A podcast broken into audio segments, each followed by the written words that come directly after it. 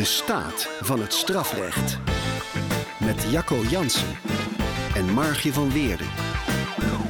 Strafrechtelijke actualiteiten in klare taal.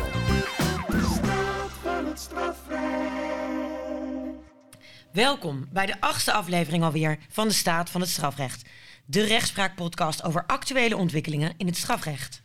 Ja, elke maand, nou ja, ongeveer elke maand komen we bij elkaar om te praten over het strafrecht. En u, u mag meeluisteren.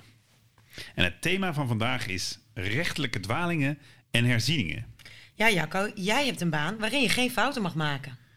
Precies, maar eerst gaan we in op de dingen die ons opvielen in het strafrechtelijke nieuws van de afgelopen dagen. Actualiteiten. De eerste actualiteit van vandaag gaat over de procureur-generaal bij de Hoge Raad. Ja, de procureur-generaal bij de Hoge Raad, ook wel de PG, dat is het hoofd van het parket bij de Hoge Raad. En het gekke van dat parket is, dat staat dus los van het Openbaar Ministerie. Als je in cassatie gaat, dus als je een juridische klacht hebt over een uitspraak van het Hof, dan schrijft de PG een conclusie. We noemen het conclusie, maar het is eigenlijk een advies. Een advies aan de Hoge Raad. Moet je dit nu gegrond verklaren of niet? Ja, dat is eigenlijk een grote hoofdtaak van die procureur-generaal. Maar de procureur-generaal heeft ook bijzondere taken. Uh, en er zijn er een paar van. Ik zal ze kort langslopen. De eerste en belangrijke is de cassatie in het belang der wet. En een cassatie in het belang der wet gaat het om een principiële vraag die leeft in de gerechten, waar ook wel meerdere antwoorden door de gerechten op worden gegeven. En dan gaat de procureur-generaal in het belang van de wet kijken wat nou de juiste koers is. En dan brengt hij die cassatie in het belang der wet aan bij de Hoge Raad. Maar voor de zaak zelf heeft dat helemaal geen invloed meer. De beslissing in die concrete zaak blijft wat die is. Het heeft alleen belang voor het recht. En deze week heeft de procureur-generaal aangekondigd dat hij in cassatie in het belang der wet gaat instellen in een zaak waarin procesafspraken zijn gemaakt. Ja, weer het klare taalalarm. Ja. Maar die procesafspraken, daar zijn we uitgebreid op ingegaan in onze vorige uitzending. Luister die. En procesafspraken zijn eigenlijk afspraken tussen de officier van justitie en de verdachte over de afdoening van een zaak. Waarbij de rechter niet feitelijk betrokken is, maar daar wel in mee kan gaan op de zitting. En daar gaat die procureur-generaal nu op dit moment uh, goed naar kijken en uiteindelijk de Hoge Raad. En waar de PG ook mee belast is, is de vervolging van Kamerleden, ministers, staatssecretarissen als zij een ambtsmisdrijf begaan. Dan, um, dat was al eens aan de orde naar aanleiding van de toeslagenaffaire. Toen um, zei de PG, nou, we hoeven de ministers daar niet voor te vervolgen. Heeft hij een heel uitgebreid stuk over geschreven, dat uitgebreid onderzocht, waarin hij eigenlijk ook aangeeft dat de verantwoording in het parlement moet plaatsvinden, niet in de rechtszaal. En nu recent moest de PG zich buigen over de uitlatingen van Baudet. Er was aangifte gedaan, dat ging over die, uh, die appjes, die uitlatingen in die WhatsApp-groep. En men zei, ja, dat is racistisch, dat is antisemitisch, daar moet hij voor vervolgd worden. Nou, zei de PG, ik uh, zie daar geen aanknopingspunten voor. Want voor strafbaarheid wegens groepsbelediging is nodig dat die uitlatingen in het openbaar zijn gedaan. En dit was een besloten WhatsApp-groep, dus er is geen openbaarheid. Um, het is uiteindelijk aan de minister om de eindbeslissing te nemen, vervolgen of niet. Of ja. aan de Tweede Kamer. Maar nou, de PG ziet er geen brood in. Nee. En um, ja, als er dan een vervolging zou plaatsvinden tegen zo'n uh, uh, minister of een Kamerlid, dan vindt dat plaats bij de Hoge Raad. Dan, dan is de Hoge Raad het gerecht dat beslist in eerste en enige instantie. Eigenlijk heel bijzonder dat ze dan bijzonder. feitenrechter zijn. Ja, het gaat dan alleen om de ambtsmisdrijven. Ja, maar dat is nog een belangrijke taak van de PG, vooral voor onze uitzending van vandaag. Ja, dat is herziening. herziening. Daar gaan we het vandaag uitgebreid over hebben. Um, en herziening is als een zaak afgerond is, onherroepelijk, definitief. Maar later blijkt er toch twijfel te ontstaan of de uitspraak wel juist is. En dan kan je als verdachte of uh, ja, eigenlijk als openbaar ministerie een herziening aanvragen bij de Hoge Raad. En als die herzieningsaanvraag gegrond is, dan moet het hele proces opnieuw. En dat vindt dan weer plaats bij het Hof of bij de rechtbank. Uh, maar daar gaan we straks uitgebreid op in. De tweede actualiteit gaat over een onderzoek dat is gedaan naar de toepassing van artikel 80a RO. 80a RO, dat is, uh, RO is de wet op de rechtelijke organisatie. En dat artikel dat gaat over de procedure bij de Hoge Raad. we hebben het waarschijnlijk wel eens verteld. Het systeem zit zo in elkaar. Je gaat eerst naar de rechtbank.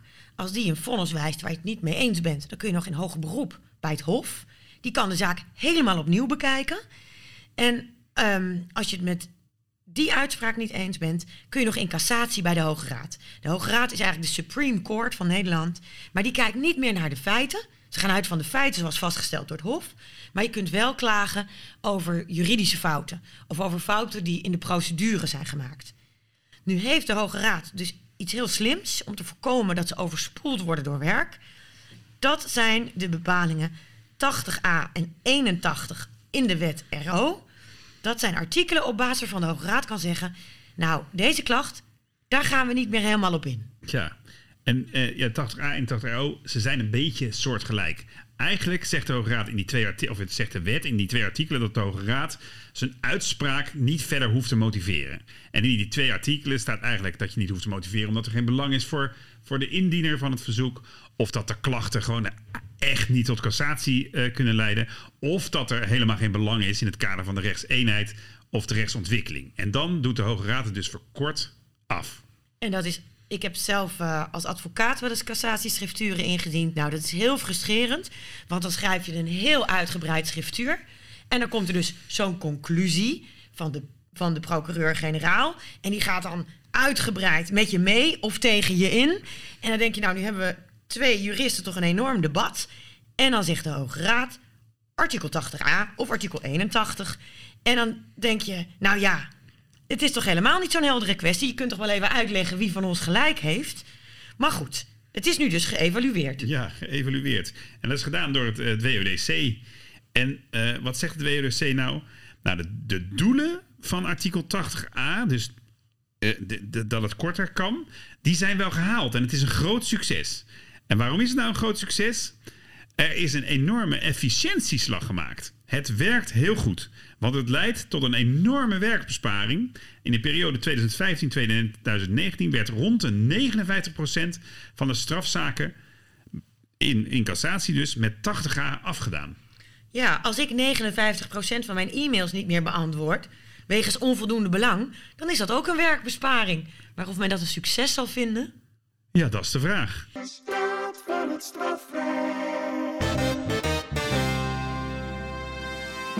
derde actualiteit is de rechtsstaatpoort. Op 31 maart, uh, jongsleden, vond die plaats. Er was een bijeenkomst uh, tussen ketenpartners. Ja, een beetje een ambtelijke term. Maar de ketenpartners, politie, openbaar ministerie, rechtspraak en advocatuur... gingen in debat met Kamerleden en met elkaar. En het onderwerp was dilemma's in de aanpak van ondermijning. Ja, en onze stelling, dus de stelling die de rechtspraak had ingebracht, was de maatregelen tegen ondermijnende criminaliteit mogen niet de rechtsstaat ondermijnen. Nou, daar ben ik het eigenlijk wel mee eens. En zoiets geef jij ook al in een column, Jacco. Ja, zeker. Vorige aflevering zeiden we al dat het begrip ondermijning eigenlijk niet goed is gedefinieerd. Maar het kernidee van uh, ondermijning is dat dat is criminaliteit die de rechtsstaat ondermijnt. Dat klopt wel. Maar het is wel oppassen dat die maatregelen tegen die ondermijning, dat die de, rechts, de rechtsbescherming en daarmee de rechtsstatelijkheid van de procedures uh, onder meer aantasten. En dat, dat zien we de laatste jaren een beetje. Ja, we zien ook dat er veel beleid wordt ontwikkeld en wetten worden gemaakt die vooral gericht zijn op versteviging van de positie van het Openbaar Ministerie, de politie en slachtoffers. Maar niet op versteviging van de positie van de verdachte. Dus dat raakt dan een beetje op de achtergrond. Ja, precies. De nadruk komt te veel te liggen op de efficiëntie. Met zo min mogelijk mensen en middelen een zo groot mogelijk effect behalen. En men denkt dan niet te veel kosten maken voor die criminelen. Maar de vraag is natuurlijk, zijn het criminelen in het strafproces? Wij hebben het natuurlijk nog steeds in, de, uh, in, de, uh, in het strafproces over de verdachte. En om een voorbeeld te geven, uh, wat ook bij dat rechtsstaatpoortdebat aan de orde kwam, is het vervoer van zware, zware criminelen, zware verdachten naar de zitting. En er wordt er over gesproken of we kunnen afzien van het vervoer naar de zitting. En om die verdachte dan voortaan te horen via een, tele, een videoverbinding, een televerbinding. Ja, omdat dat vervoer dan onveilig zou zijn, heel veel capaciteit zou kosten. Precies, dat zijn dan de redenen. En dan wordt die efficiëntie weer afgewogen tegen de belangen van de verdachte. Want die belangen van de verdachte bij aanwezigheid, fysieke aanwezigheid op die zitting, zijn natuurlijk heel groot. Onder meer zijn advocaat moet er dan uh, ook bij zijn, het overleg. De rechter kan die, die verdachte goed ondervragen, et cetera. Ja, en dat is een goed voorbeeld waarbij je zegt, nou, worden nou, hè, verliezen we die belangen van de rechtsbescherming niet te veel uit het oog. En dat is bij meer um, kwesties het geval. Um, recent is natuurlijk die toeslagenaffaire veel in het nieuws geweest. Dat heeft ons geleerd dat ook kwetsbare burgers in het verdachte hoekje terecht kunnen komen. En het is van belang dat de, de lessen uit die toeslagenaffaire, dat we die niet alleen trekken in het bestuursrecht, want dat ging toen om bestuursrecht, maar ook in het strafrecht. Ook in het strafrecht moet er oog zijn voor maatwerk, voor waarborgen voor burgers tegen de macht van de overheid. dat burgers niet in de knel komen, maar in het strafrecht neigt men er vaak naar om te zeggen van ja, dat zijn boeven die aangepakt moeten worden. In plaats van erover na te denken als ja, het zijn ook verdachte burgers die rechtsbescherming verdienen. Ja, precies, Mark. Dat is, dat is de kern. Hè? Laten we aandacht hebben voor efficiënte aanpak van criminaliteit. Ook de rechtspraak. Maar laat daarbij de rechten van verdachte burgers overeind. Doen we dat niet, dan ondermijnt de ondermijningsbestrijding de rechtsstaat. En de bescherming daarvan daar ging het nu juist om. Het gesprek van vandaag.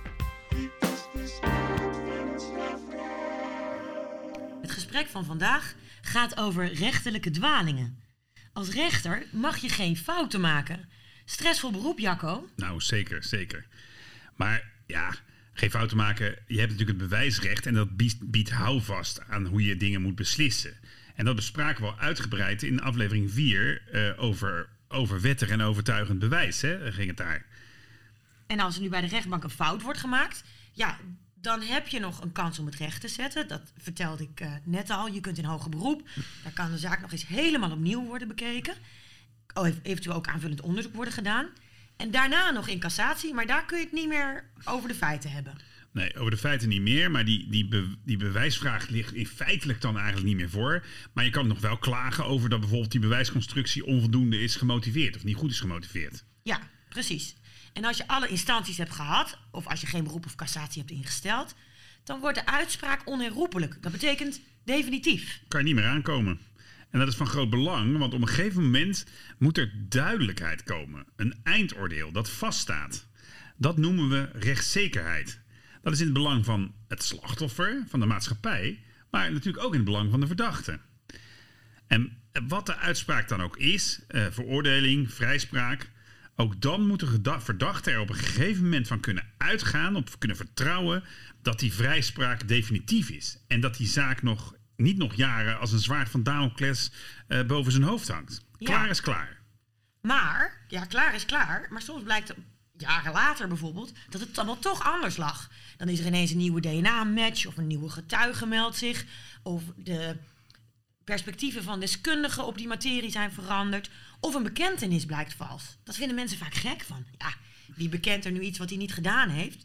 Maar het komt echt voor. Tijdens politieverhoren wordt er soms echt stevig ondervraagd. Mhm. En niet iedereen kan daartegen. En soms gaan verdachten dan maar zeggen... ja, wat ze denken dat de politie wil horen... Nou ja, als later blijkt dat het oordeel niet goed was, dan noemen we dat een rechterlijke dwaling. Ja, en het woord zegt het al. Het is een. Ja, de rechter dwaalt. Die is op een dwaalspoor. en dat wil niet zeggen dat de rechter echt altijd dan fout zit. Of fout zat. Een fout heeft gemaakt, beter gezegd. Ja, en bekende voorbeelden van rechter, bekende rechterlijke dwaling is bijvoorbeeld Lucia de B. Ja, dat was, om even in herinnering te brengen, dat was die verpleegster die steeds aanwezig was op het moment dat een baby uh, kwam te overlijden in een ziekenhuis. Dan had zij dienst. En de Schiedammer Parkmoord?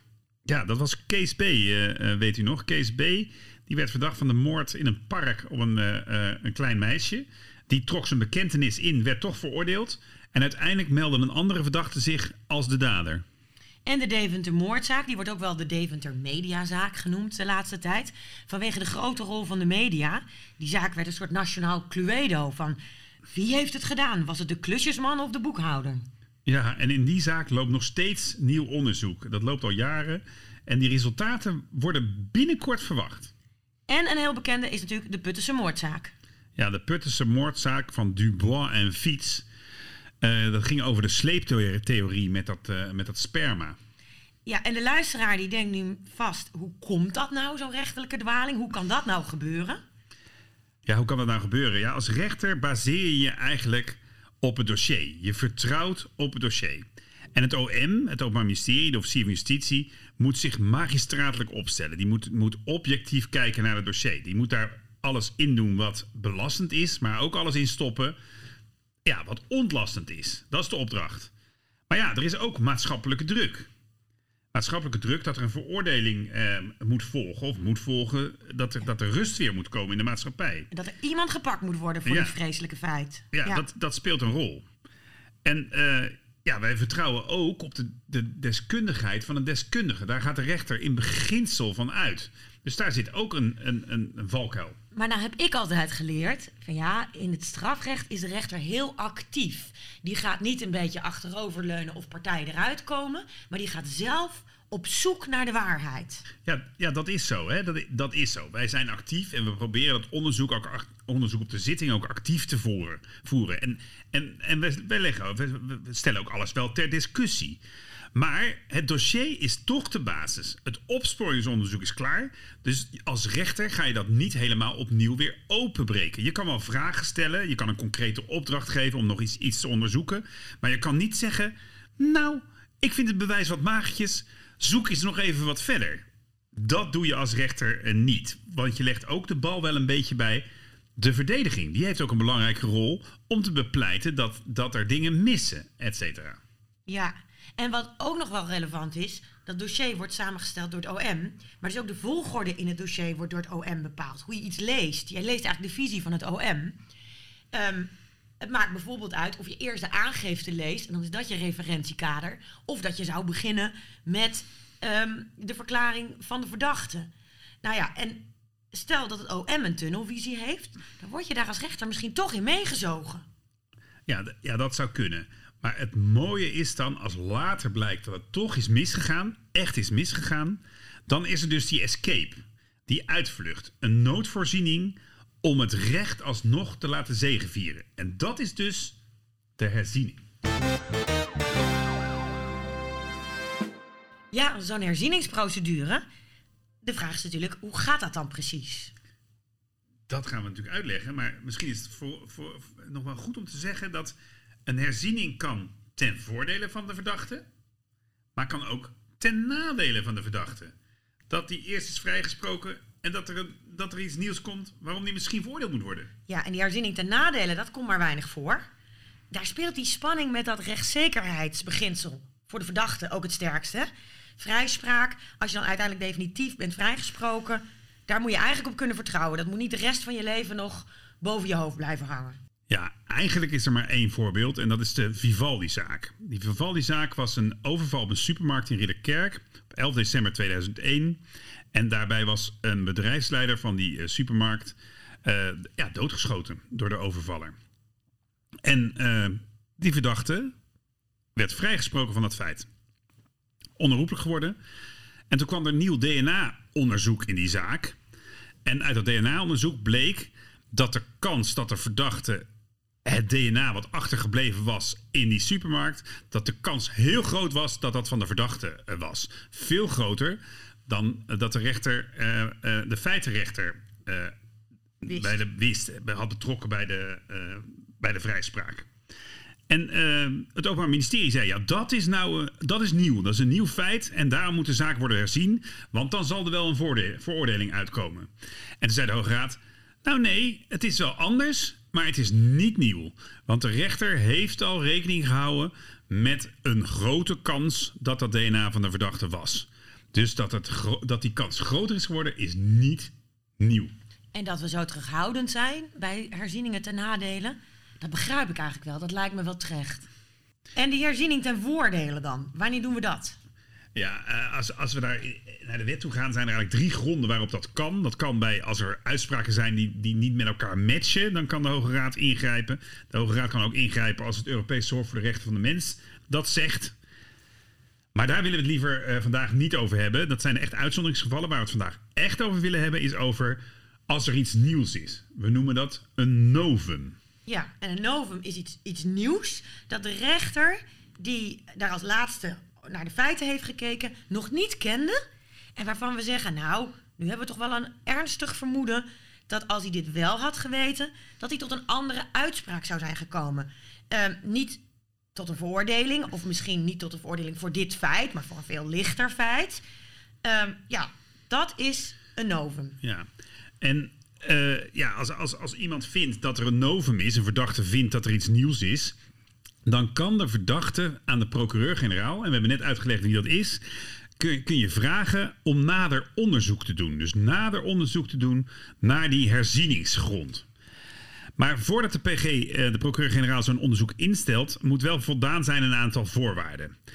En ja, als aan, die, als aan die voorwaarden voldaan is, dan kan de PG, de procureur-generaal, aan een commissie, dat noemen we de ACAS, de Adviescommissie Afgesloten Strafzaken, kan uh, om een advies vragen uh, welk onderzoek er nog gedaan moet worden.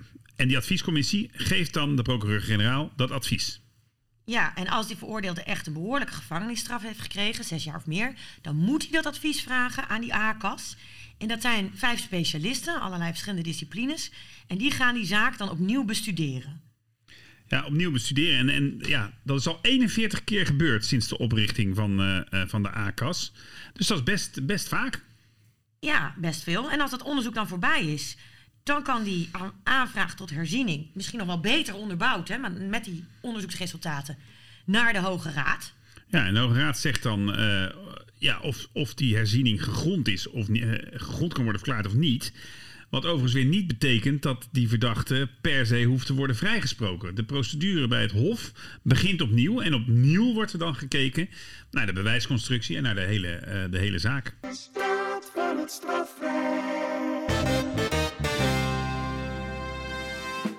Ja, er is uh, toch de laatste tijd nogal wat debat ontstaan over de wijze waarop het novumbegrip, hè, dus dat nieuwe element in de strafzaak, moet worden uitgelegd. En hoe, de, hoe ruim de Hoge Raad dat, dat, dat nieuwe feit eigenlijk toetst. En uh, hoe uitgebreid moeten ze nou eigenlijk bij de Hoge Raad kijken in zo'n herzieningsprocedure? Ja, en dat debat is eigenlijk ontstaan op 20 april 2021. Vorig jaar, toen wees de Hoge Raad arrest in twee verschillende herzieningszaken. De Pettense campingmoord en de Arnhemse villa-moord. En in die campingmoord was de aanvraag gegrond. Die zaak moet helemaal opnieuw. En in de villa-moord was de aanvraag, de herzieningsaanvraag, ongegrond. Ja, en dat leidde eigenlijk tot verbazing bij, bij veel mensen. Omdat veel mensen uh, ja, hadden verwacht dat die villa-moord, die heel veel aandacht heeft gekregen in de media, tv-serie over gemaakt, boek over verschenen, dat die ook wel herzien zou worden. En de burgers waren uh, verbaasd. Er zijn zelfs kamervragen over gesteld. Maar er was zelfs ook verbazing bij die commissie waar ik het over had. De commissie, de ACAS, de commissie afgesloten strafzaken. En wat ook opmerkelijk was, die voorzitter van de ACAS schreef een artikel of in ieder geval een lid van de ACAS. Ik weet niet zeker of ze de voorzitter is eigenlijk. Maar die Zeker, schreef een, ja. namens die hele commissie een artikel in het Nederlands Juristenblad. waarin ze eigenlijk zei: Nou, wie had dit gedacht?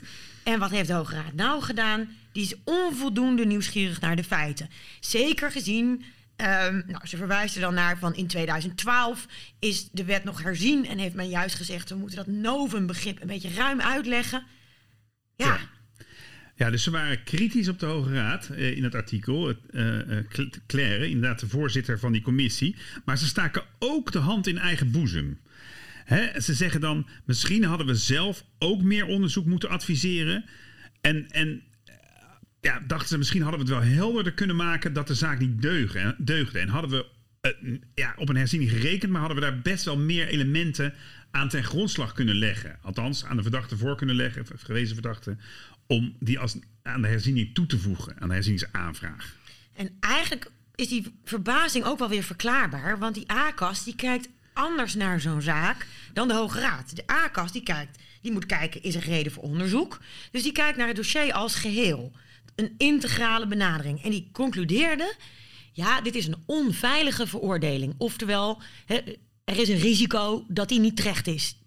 Maar onveilige veroordeling, dat staat niet in de wet als criterium. In de wet is het criterium is er een novum, is er een nieuw gegeven? De vraag is niet, hebben we enige twijfel bij deze veroordeling?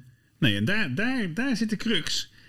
als we kijken naar dat arrest in die Arnhemse villa-moord, dan lagen er twee bekentenissen. En uh, de belangrijkste daarvan, die ook, het belangrijkste daarvan is dat die ook belastend waren voor alle anderen. Dus twee bekentenissen voor negen verdachten waren die uh, van belang. En die twee bekentenissen waren ingetrokken. Eén ervan in een schriftelijke uh, verklaring. En dat werd in de aanvraag aangevoerd als een nieuw gegeven. En de Hoge Raad zoomt daar dan op in, op die ingetrokken bekentenis bij die verklaring. En dan zegt de Hoge Raad, ja, waarom komt die, komt die verdachte daar nu pas zo laat mee? Hè? Vele jaar, twintig jaar uh, later, hè? dat is een zaak uit 1998.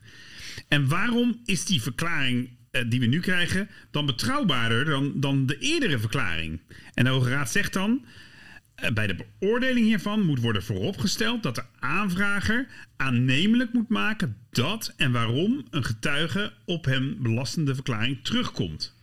En dan zeggen ze eigenlijk, als je het goed, eh, goed bestudeert, ja, die, die bekentenis intrekken, daar wordt helemaal geen handen en voeten aan gegeven. En wat eigenlijk helder wordt in deze uitspraak, hè, als je, hoe de Hoge Raad te werk gaat. Dus je kijkt eerst, is er een novum? Is dit echt iets nieuws? En uh, heeft dat enige bewijskracht?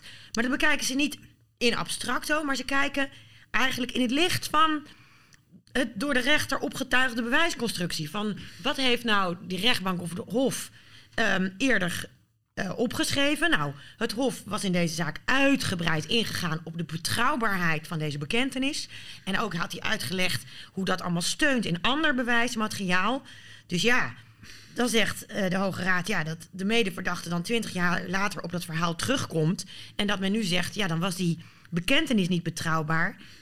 Ja, dat schiet niet per se een gat in de bewijsconstructie. Dus ze beoordelen die bewijsconstructie niet. Ze gaan niet zelfstandig opnieuw bekijken of zij ook vinden dat er wettig en overtuigend bewijs is voor de schuld van de verdachte. Ze nemen de redenering van het Hof als uitgangspunt. Ja, Margje, dat is cruciaal. Want die benadering die de Hoge Raad dus in, in die, in die uh, Arnhemse villa-moord hanteert, hanteert de Hoge Raad ook in die Pettense campingmoord. En dat verklaart ook de uitkomst dat die anders is in die zaak dan in die villa-moord. Want Pettense campingmoord werd dus wel herzien. Nou, wat was die campingmoord? Een man wordt dood aangetroffen op een camping met steekwonden in, zijn uh, borst.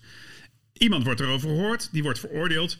En de basis van die veroordeling ligt voornamelijk, eigenlijk bijna als enige, in die bekennende verklaring van die verdachte. Dus die bekentenis staat daar, evenals in de Arnhemse villa-moord, staat die bekentenis centraal. Maar het belangrijke hier is dat in de herzieningaanvraag een rechtspsycholoog de verklaring van die verdachte analyseert. En die, die psycholoog oordeelt, die verklaring is waarschijnlijk vals. En dan zegt de Hoge, Hoge Raad, dat deskundige inzicht, dat kan een novum zijn, iets nieuws zijn.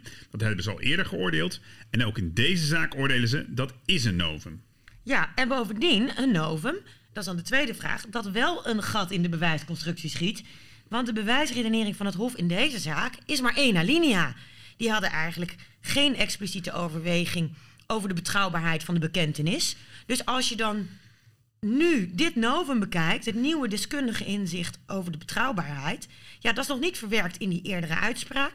We hebben nu een gat in de bewijsconstructie, dus deze zaak moet wel opnieuw. Ja, dus onze conclusie is eigenlijk: de Hoge Raad kijkt selectief naar zo'n dossier door de koker van het nieuw aangedragen feit, het novum. En als, het nieuwe, als er een nieuw gegeven is, vraagt de Hoge Raad zich af: raakt dat rechtstreeks de bewijsconstructie van het Hof? En daarbij wordt die bewijsconstructie niet inhoudelijk beoordeeld, maar eigenlijk aangenomen. Dat doet de Hoge Raad omdat ze uitdrukkelijk natuurlijk geen nieuwe derde feitelijke instantie willen worden. Ze willen op afstand blijven staan. Dus ze kijken niet wat zit er allemaal verder nog aan belastend of onbelastend bewijs in het dossier. Ze kijken alleen maar naar de wijze waar het Hof een bewezenverklaring, hoe die die bewezenverklaring heeft onderbouwd. En of dat nieuwe gegeven, als dat er is, of dat, dat die bewijsconstructie aantast in de kern. Ja, en dat is juridisch allemaal heel logisch, maar nogal formalistisch is het wel. Want als ik dan denk, hè, wat was nou de hele gedachte van die herzieningsprocedure? Een soort noodklep voor onrecht. Ja, dan is dit toch wel moeilijk uit te leggen aan een gewone burger. Want als je doel is om gerechtelijke dwalingen zo goed en zoveel mogelijk te herstellen, zou je ook kunnen zeggen, nou, zo'n herzieningsverzoek, eh, dat zien we als aanleiding voor nieuw feitenonderzoek. En niet als, als exclusieve grondslag. Van we kijken alleen naar dit, naar dit onderdeel. Ja, Margje, ik begrijp echt goed wat je zegt. En ik voel met je mee. Want ik heb in sommige zaken ook de neiging om te denken... pak nou even door, pak nou even door. Maar als de Hoge Raad daaraan begint... dan is het hek van de dam. Want dan zitten ze in veel zaken gewoon feitenrechtspraak te doen. Ja, maar het verklaart ook wel de verbazing dus van de ACAS. Want die, zeiden we die kijkt integraal. Die kijkt naar de vraag, is het een veilige veroordeling? Die kijkt naar het dossier als geheel. Zij denken, nee, groot risico dat dit onjuist is. Ehm, maar ja, dan moet je dus, volgens dit systeem, die onveiligheid van de veroordeling...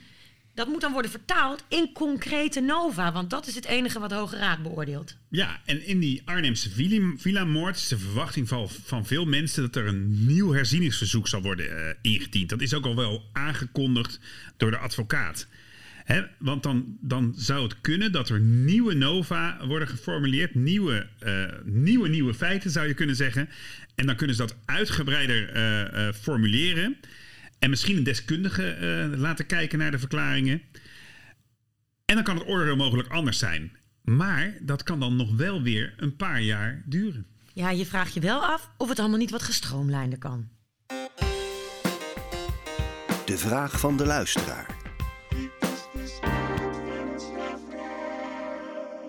Ja, de luisteraarsvraag. Nou ja, uh, ik werd gebeld laatst door een reclasseringsmedewerker. En die vertelde mij dat zij vaak met verdachten die veroordeeld zijn tot een gevangenisstraf, uh, langer of korter, of een voorwaardelijke gevangenisstraf, waar zij dan bij betrokken raakt als, als reclasseringsmedewerker om iemand weer terug te brengen in de maatschappij, uh, dat zij er dan tegenaan loopt dat de verdachte in datzelfde vonnis ook is veroordeeld tot een hele hoge schadevergoeding aan het slachtoffer. En dat dat een, een ballast is voor de resocialisatie, omdat die verdachte eigenlijk geen sjoeg geeft die, die, die denkt van ja, ik kan wel hier een baan nemen, maar ik moet eerst die, ja, die 10, 20, 30, 40, misschien wel 100.000 euro schadevergoeding betalen. En dat vond zij moeilijk. Ja, dat is een ingewikkeld dilemma en iets dat heel vaak speelt. Uh, want ze wil natuurlijk graag een oplossing van ons, maar dat is lastig. Want ja, zeker na een gevangenisstraf of een TBS-maatregel, dat kan, dan kan het moeilijk zijn om te reïntegreren in de samenleving. Sowieso al. De veroordeelde, heeft in de tijd dat hij vastzat niks verdiend. Heeft een gat in zijn cv, heeft een strafblad, vindt maar weer eens werk, biedt maar eens weerstand aan het criminele geld. En als je dan ook nog een hoge schuld hebt, is dat wel extra lastig. Ja, en dat komt ook omdat wij bij dat vonnis vaak een maatregel opleggen.